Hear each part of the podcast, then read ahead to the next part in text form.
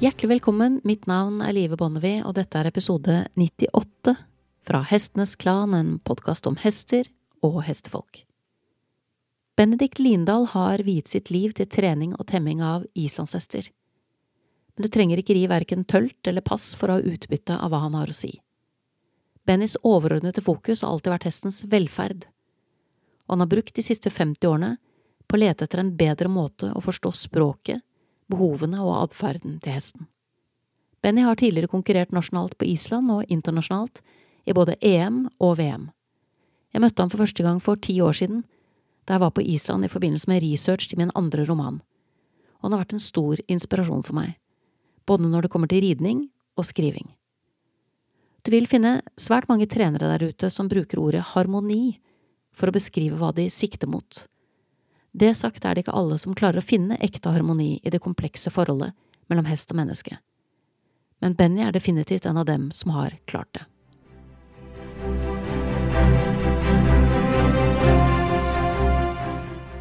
Jeg starter nesten alle samtaler jeg samler til denne podkasten med å spørre gjesten min hvordan det startet, hvorfor de begynte med hest i utgangspunktet.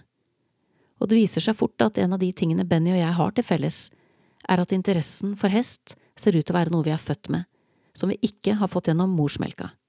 Ingen av oss har foreldre som er hestefolk, men begge har slekt som kommer fra gård, så eplet faller kanskje ikke så langt fra stammen likevel. Benny vokste opp i Reykjavik på Island. Nærmeste nabo var to vennlige, eldre karer som hadde noen hester stående i garasjen, noe som ikke var uvanlig verken i Norge eller på Island for noen tiår siden.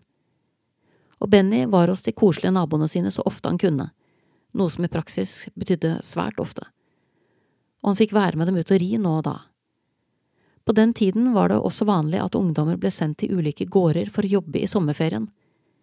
Island har en sommerferie som varer tre måneder, så Benny fikk god tid til å leve gårdslivet familien hans ikke levde, omringet av sauer og hester og hunder. Benny var den eneste av vennene som hadde hest mens han gikk på skolen, som han løp hjem med for å fòre i storefri hver eneste dag og han høstet flere erfaringer som det er lett å kjenne seg igjen i. For eksempel at han lukta så stramt av hest at han fikk valget mellom å sitte på bussen og rødme eller gå av og fortsette til fots. I ungdomstiden så hang Benny også en del sammen med eldre venner, som allerede var eller var i ferd med å bli profesjonelle ryttere og trenere, og i en alder av 16 år begynte han selv å trene andres hester semiprofesjonelt. På denne tiden så hyret de ulike islandske hesteklubbene inn trenere og Benny startet sin karriere som trener i den sørvestre delen av Island som 17-åring. Benny snakker varmt om viktigheten av å bygge stein på stein når man trener hest, og hans virkelig store lidenskap har alltid vært å jobbe med unghester. Og gjennom hesteklubbene så kunne han og vennene hans prøve seg fram med ulike strategier. Ikke alt var like vellykket, men høstet seg svært viktige erfaringer i disse årene. Han red mye og tilbrakte svært mye tid med hester og mengdetrening er som kjent en svært viktig suksessfaktor dersom man ønsker å bli virkelig god med hest.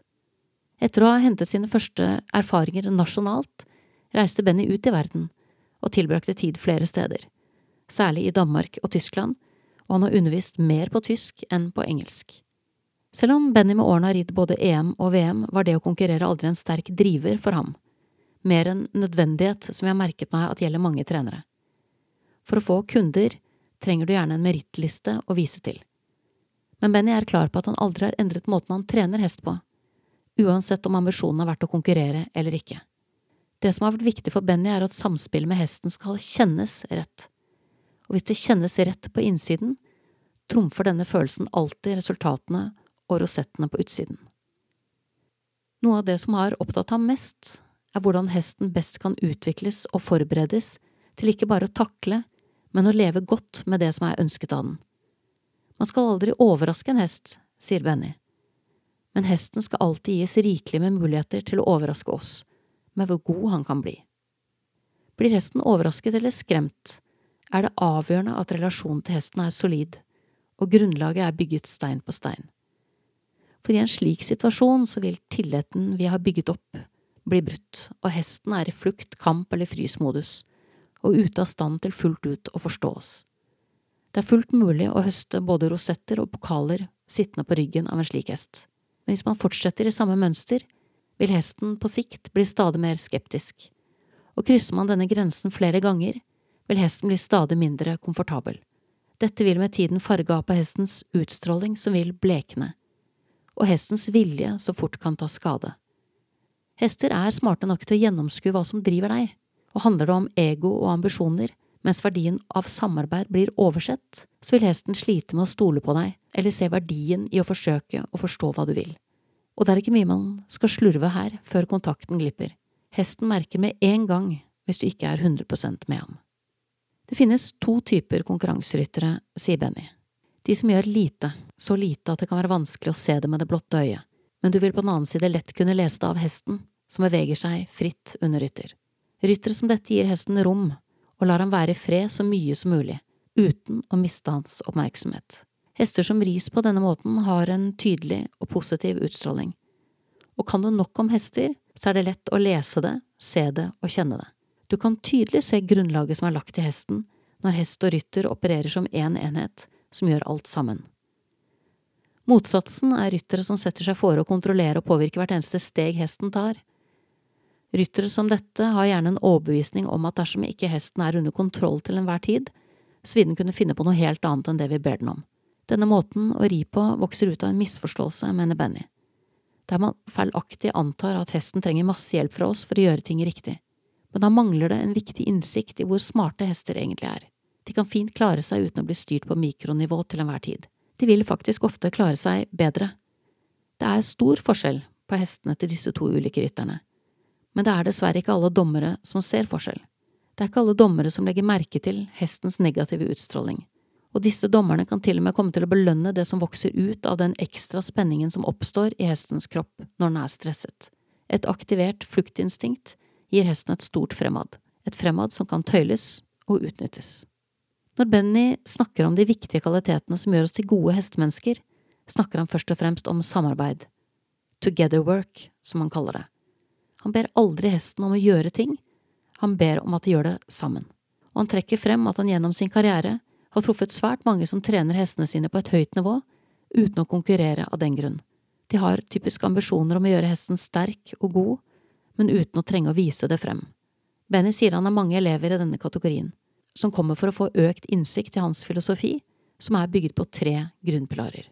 Benny ønsker at hesten skal kunne lytte, forstå og akseptere. For at hesten skal kunne lytte til deg, så må du forstå hesten og snakke hestens språk, som om du var et medlem av flokken. For Benny er flokkens regler de eneste som gjelder, og siden det er regler som hestene selv har laget, har de ingen problemer med å forholde seg til dem. Og hvis timingen er god, og hesten responderer som du ønsker, vær så snill ikke stå i veien for den, presiserer Benny. En annen ting du skal passe på, er at du aldri overrasker hesten. Hestene misliker det og det gjør gjerne at de trekker seg unna. Men hesten selv må på sin side gjerne overraske oss med hvor dyktig han kan være. Da Benny laget sin andre film, så viste han fem ulike hester på en stevneplass der gjerder og installasjoner var rigget ned. Ingen av hestene hadde vært der før. Alle fem, hvorav noen unge og noen gamle, var både åpne og positive. For dem var dette en helt kjent måte å trene på, og menn på et helt ukjent sted. Hestene tok det på strak arm, og det var en situasjon der Benny beskriver at det overrasket ham hvor stødige, åpne og trygge alle hestene var. Jeg husker denne delen av Bennys film veldig godt. Det er et av to øyeblikk som har stukket seg særlig fram, fordi hesten har så fin energi, og samspillet er så godt. Det er timingen som er nøkkelen, sier Benny. Når og hvordan du begynner på noe, og når og hvordan du avslutter det. Du må gjerne gjenta en øvelse, men vær nøye på når og hvor, hvorfor og ikke minst hvor lenge. Vær særlig varsom med hvor ofte, hvor lenge og hvordan du bruker ridebaner og ridehus til å repetere eller trene. Du må ikke tilbringe for mye av treningstiden der. Det er en feil mange gjør, også profesjonelle, mener Benny. Særlig hvis det er noe som ikke fungerer. Men da kan man fort risikere at ting blir verre. Unngå stadige repetisjoner og endeløs terping. Det er bedre å forberede en enkel øvelse nøye seg med litt kontakt og litt forståelse fra hestens side. Det holder lenge, og ta deretter hesten med ut i naturen. Der er det lettere å få kontakt og aksept. Og når hesten skjønner hva du vil, la ham være i fred. Gi ham tid og rom, Du vil kjenne at han blir mykere og tryggere når han forstår hva dere holder på med, og at dere skal gjøre det sammen. Og det er mer enn nok. La hesten være i fred, la det ligge, la han være i flow. Da har du noe å bygge videre på senere. Hesten trenger å forstå grunnen til at han skal gjøre noe, og skjønne hvor det ender. Kunsten er å la hesten være i fred i akkurat riktig øyeblikk, uten å miste hans oppmerksomhet. Klarer du det, så har du kommet langt. Det er så fort gjort å forstyrre hesten, og det er om mulig enda fortere gjort å være for sent ute. Benny beskriver dette som den mest gjennomgående feilen vi gjør når vi trener hester, at timingen vår blir for dårlig, og at vi bommer ved å reagere for seint.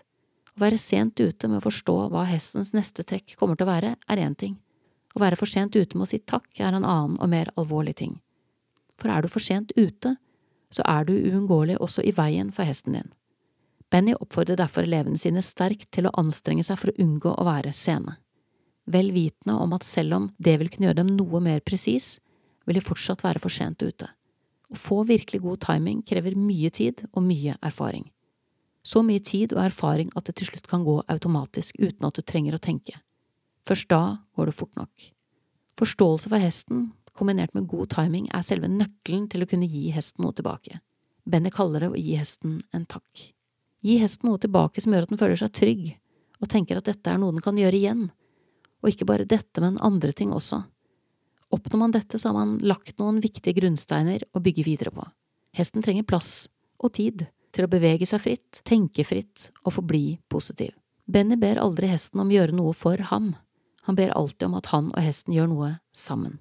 Og dersom du ønsker at hesten skal lytte til deg, må du først og fremst sørge for å være interessant å lytte til, for det er først når du får hestens oppmerksomhet du vil være i stand til å forklare hva dere skal gjøre sammen, Hesten må føle seg trygg og fri, ikke utrygg og fanget. Riktig timing er helt avgjørende, og det er flokkens egne regler man navigerer etter.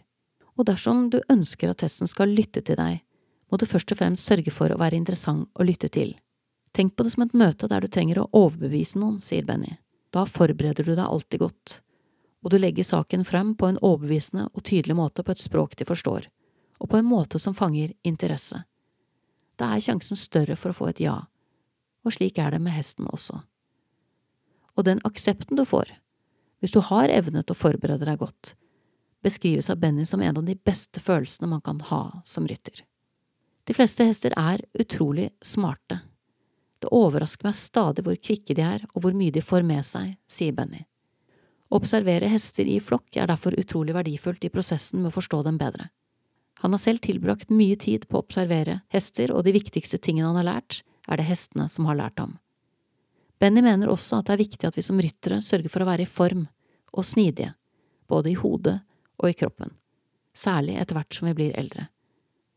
Da er det gode prognoser for at vi med årene bare blir bedre og bedre som hestemennesker.